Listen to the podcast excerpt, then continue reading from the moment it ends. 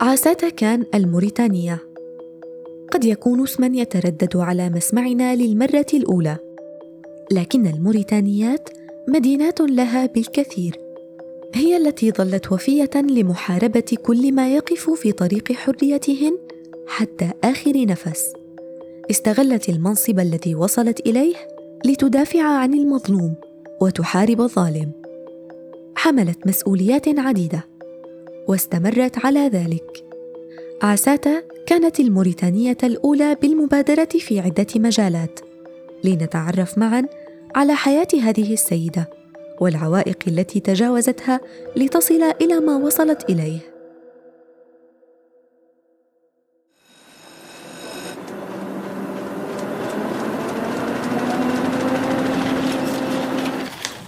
عنب بلدي بودكاست. بدأت عاساتا مشوارها باكرا.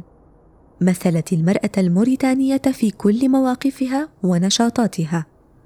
دافعت عن حقوقها على جميع الأصعدة. حتى العادات التي تعتبرها مسيئة للفتيات. تصدت لها وحاربتها بشدة. خاصة بعض المواضيع الشائكة التي لا يقبل الناس نقاشها أو الحديث عنها بسوء على اعتبارها جزءا من حياتهم وثقافتهم. البلوح أو التبلاح. كابوس تتعرض له الفتيات الموريتانيات منذ الصغر. قديما كان منتشرا ومعتمدا بشكل كبير. واتبعته أكثر النساء. هي ثقافة متأصلة في بلادهن. ولا يعترضن عليها على اعتبارها امرا واقعا. هذا المصطلح يعني تسمين الفتيات قصرا أي ليس بطرق عادية. فالفتاة منذ طفولتها وعند بلوغها تتعرض لممارسة التبلاح عليها حتى تجد زوجا مناسبا. لأن البدينة مرغوبة بشكل أكبر بكثير من النحيلة. وكانت البدينة تعامل بطريقة جيدة من الزوج. لذلك تجبر الفتاة على أكل كميات كبيرة من الطعام وشرب الكثير من السوائل بغض النظر عن تأثير هذا الفعل على صحتها النفسية والجسدية. إذ يتم إطعامها حتى تشعر بالألم مما تأكله وتشربه. يجبرونها على شرب عشرات اللترات من حليب الإبل مع الزبدة المخلوطة ببعض الحبوب. وعشرات الأرطال من النشويات المتنوعة يوميا. وفي حال عدم رغبتها أو مقاومتها لأكل هذه الكميات الهائلة تكره على ذلك بالضغط على قدمها من خلال جذع خشبي تشده السيدة التي تلقب بالبلاحة. والبلاحة هي السيدة المسؤولة عن إطعام الفتاة وفعل ما يجب فعله حتى تكتسب الوزن. وفي بعض الحالات تستخدم البلاحة شد الفتاة من شعر رقبتها أو غيره من الأساليب المؤلمة حتى تنصاع للأوامر وتأكل.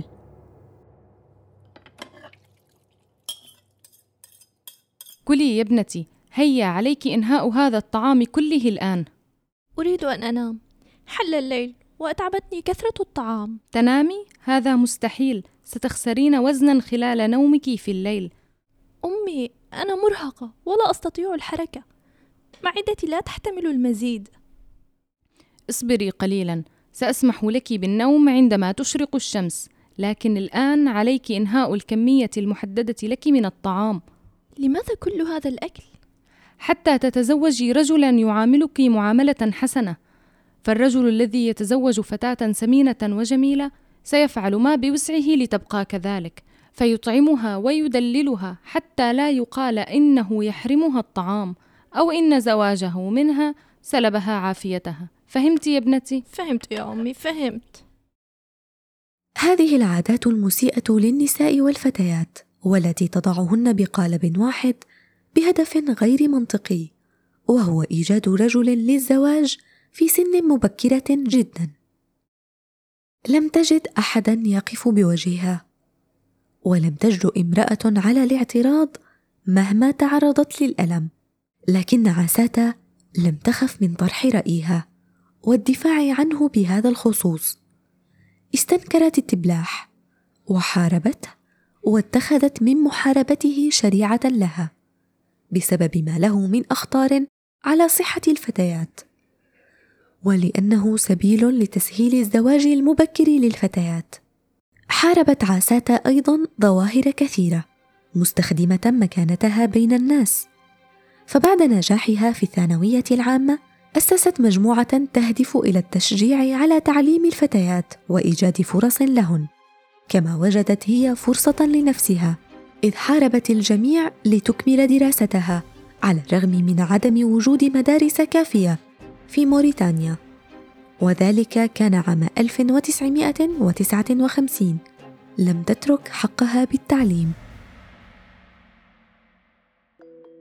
لن أتنازل عن حقي بإكمال دراستي.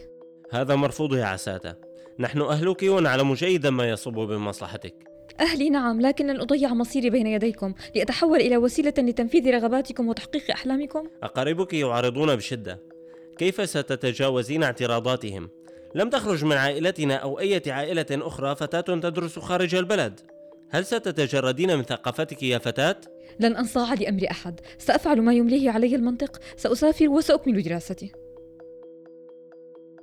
سافرت عساتا إلى السنغال إلى مدينة سان لويس. أقامت هناك سنة واحدة. درست خلالها اللغة الفرنسية وكانت بما فعلته من أولى الفتيات اللواتي يدرسن في المدارس الأجنبية على الرغم من كل ما تعرضت له من اعتراض أهلها وأقاربها. لم يتوقف حلمها هنا. عاساتا ذهبت بعد ذلك للالتحاق بجامعة بروكسل ودرست علم الاجتماع. ظلت سنة كاملة ترسم أحلاما لنيل شهادة جامعية. كانت ناجحة.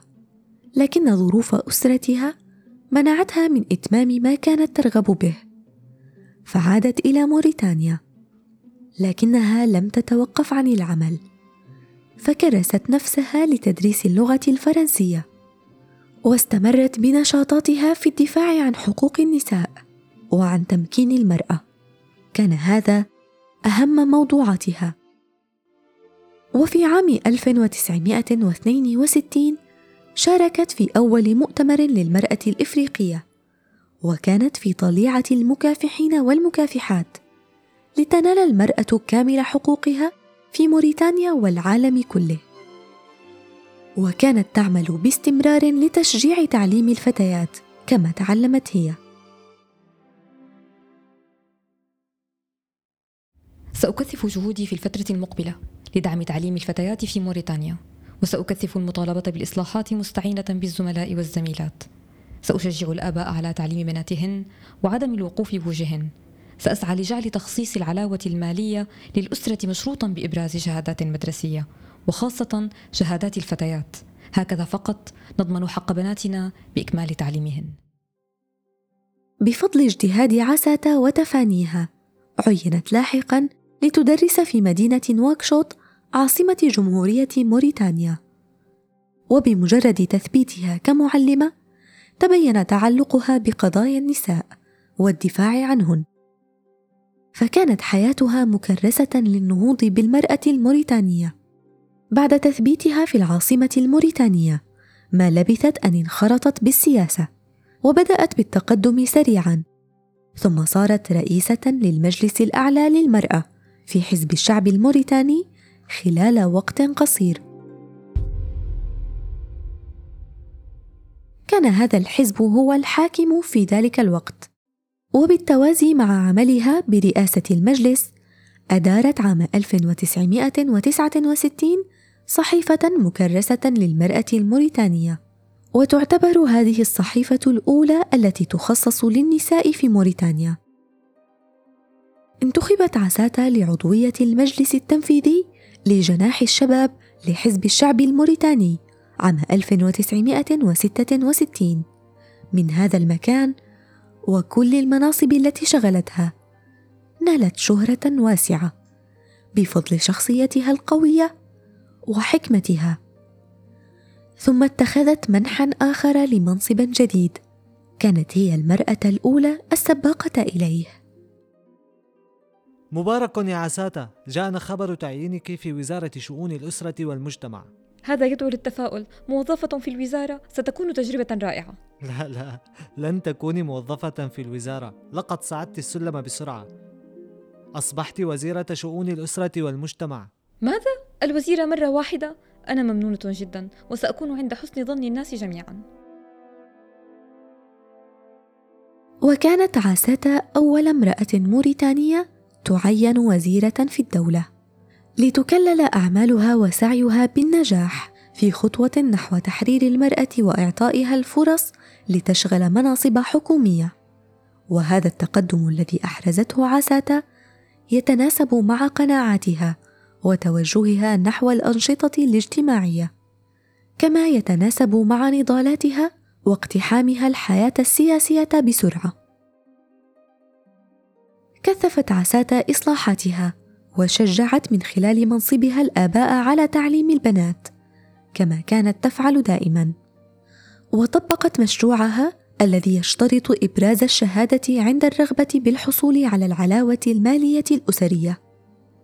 وهذا شجع على إكمال التعليم للفتيان أيضا ونجحت بإدراج بند في القانون لحقوق الزوجية. كما صار للنساء حق بالدخول إلى البرلمان الموريتاني.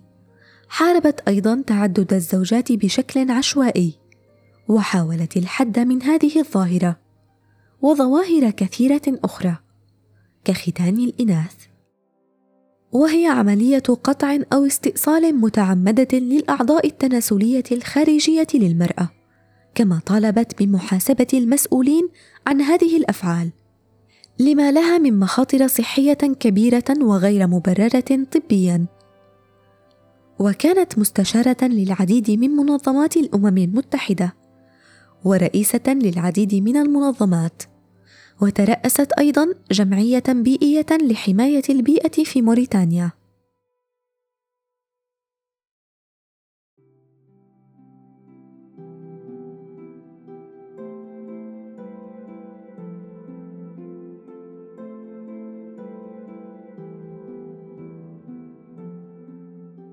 أنجزت الكثير من الأعمال للدفاع عن حقوق الموريتانيين والأفارقة بشكل عام فحصلت نتيجة ما حققته على جائزة المرأة الرائدة تقديرا لها عام 2018 ثم توفيت عساتا عام 2019 بعد الكثير من الأعمال التي عملت من خلالها على الإصلاح ويتمنى الكثير من الموريتانيين اليوم امرأة قوية متفانية مثل عساتا كان وزيرة موريتانيا.